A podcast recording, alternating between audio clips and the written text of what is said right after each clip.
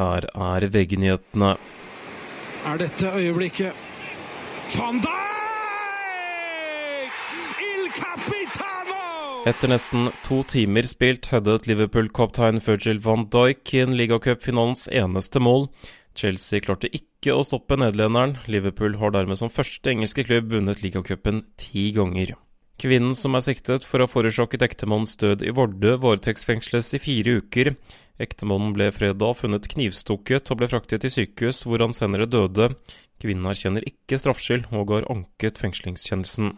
En person er kjørt til sykehus, trolig med lettere skader etter en ulykke på E6 ved Espa i Stange. Fire kjøretøy skal ha vært involvert i ulykken, ifølge politiet, som opplyser at det er glatt på stedet. 31 000 ukrainske soldater har blitt drept så langt i krigen mot Russland, det sier president Volodymyr Zelenskyj. Han legger til at også titusener av sivile har blitt drept i krigen. En mann er skutt av politiet etter en krangel i Sundsvoll i Sverige, det skriver Aftonbladet. Mannen er kjørt til sykehus, skadeomfanget er ukjent. I studio André Ødeby, nyhetene for Dolti på VG.